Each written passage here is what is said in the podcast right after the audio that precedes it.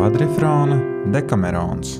Piektā novele Monferrato marķīze ar maltīti no vistu gaļas un ar dažiem atjautīgiem vārdiem apvalda Francijas karaļa neprātīgo mīlestību. Klausoties Dionēja stāstīto noveli, dāmu sirdis sākumā mazliet skāra kauns, par ko liecināja likumiskais sārtums, kas parādījās viņu sejās, bet vēlāk uzlūkojot citu citu, viņas tikko spēja valdīt smieklus un klausījās smīnēdamas. Kad novela bija galā, un viņas ar dažiem maigiem vārdiņiem bija iedzēlušas Dionējam, gribēdamas likt saprast, ka tādas noveles nav stāstāmas dāmu sabiedrībā, Karaliene pagriezusies pret Fiemetu, kas sēdēja zālē blakus dievnējam, pavēlēja turpināt rindu, un Fiemeta piemīlīgi un ar jautru seju iesāka. Gan tāpēc, ka man patīk, ka mēs esam sākuši ar novelēm pierādīt, kāds spēks ir ātrām un atjautīgām atbildēm, gan arī tāpēc, ka vīrieši rīkojas ļoti saprātīgi, vienmēr tiekdamies mīlēt augstākas kārtas sievieti nekā ir paši, tad pretīm sievietes ar vislielāko apdomību prot izvairīties no augstākās kārtas vīriešu mīlestības, man ienāca prātā manas daļās dāmas, parādīt jums novelē, ko man pienākas stāstīt, kā gan ar darbiem, gan ar vārtiem, kāda dišciltīga dāma izvairījās no tādas mīlestības un arī otru novērsa no tās. Monferrato marķīs ļoti varonīgs un drošsirdīgs vīrs, baznīcas gonfaloniers bija devies ar lielu armiju pāri jūrai kopīgā kristiešu rīkotā kara gājienā. Kad karaļa Filipa vienacainā galmā, kurš arī gatavojās tādā pašā krusta gājienā aizbraukt no Francijas, reiz runāja par marķīza varonību, kāds bruņinieks ieteicās, ka zem debesu jūma neatrast tādu pāri kā marķīs un viņa sieva. Ja marķīs bruņinieku vidū esot slavens ar savu drosmi, tad viņa sieva viskaistākā un vistikumīgākā no visām sievietēm pasaulē. Šie vārdi tā iespiedās karaļa sirdī, ka nekad neredzējis marķīzi, viņš pēkšņi to dedzīgi iemīlēja. Un dodoties minētajā krusta gājienā, nolēma sēsties kuģī nekur citur, kā vienīgi Dženovā.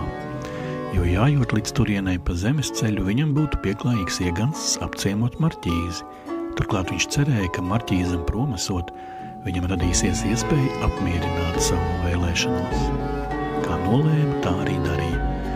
Aizsūtījis pa priekšu visus savus ļaudis, viņš tikai nedaudz augstmaņu pavadībā devās ceļā. Un, kad jau tuvu bija marķīza īpašumi, viņš dienu iepriekš sūtīja ziņu kundzei, lai tā viņu nākamajā rītā gaidot uz pusdienām. Marķīze, būdama gudra un atjautīga, jautri atbildēja, ka uzskatot to par sevišķu lielu labvēlību un ka viesis būšot mīļi gaidīts. Pēc tam viņa sāka pārdomāt, ko tas varētu nozīmēt, ka tik varants karalis viņu apciemo vīra prombūtnes laikā, un nemaldījās nospriestama, ka karali šurp atvadusi slava par viņas skaistumu. Taču kāda izciltīga dāma viņa nolēma to godam uzņemt, tāpēc viņa pavēlēja sasaukt mājās palikušos augstmaņus un apspriedusies ar tiem, lika pagatavot visu nepieciešamo, bet pati gribēja parūpēties par mīlestību un ēdieniem. Devusi rīkojumu nekavējoties savākt visas vistas, cik vien šajā novadā iespējams atrast.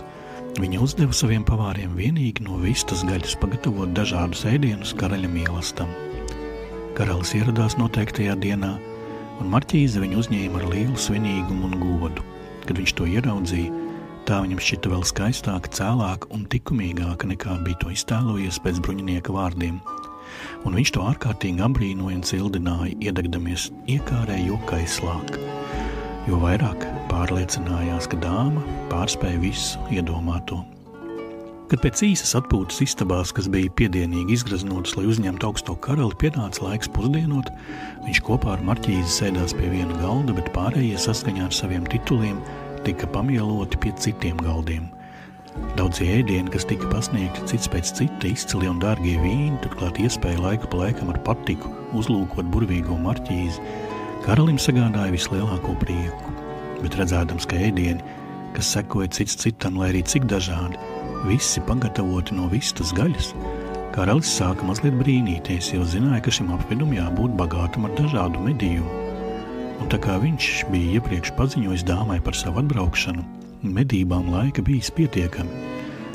Kaut arī tas viss radīja viņā vislielāko izbrīnu, negribēdams uzsākt valodas ar citu ieganstu, bet pajautāt par šīm pašām vistām, karalis ar jautru skatu pievērsās Marķīzei un teica: Kundze, vai šajā apvidū tiek izparētas tikai vistas bez neviena gaļa?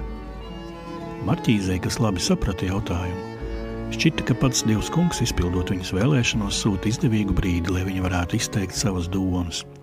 Un pagriezusies pret karali, viņa droši atbildēja: Nē, mans karali, bet sievietes, lai gan mazliet atšķiras no citām apģērbām tikumā, šeit ir radītas tādas pašas kā citur.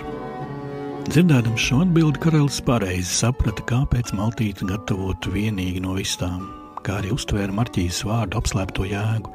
Viņš atzina, ka ar tādu sievieti būtu velti šķiest vārdus, un ka arī vara te nebūtu vietā, un ka tāpēc, saudzējot savu godu, viņam nāksies prātīgi apdzēst nelāgi iedegušo suguni, ko tik neapdomīgi bija uzkurinājis.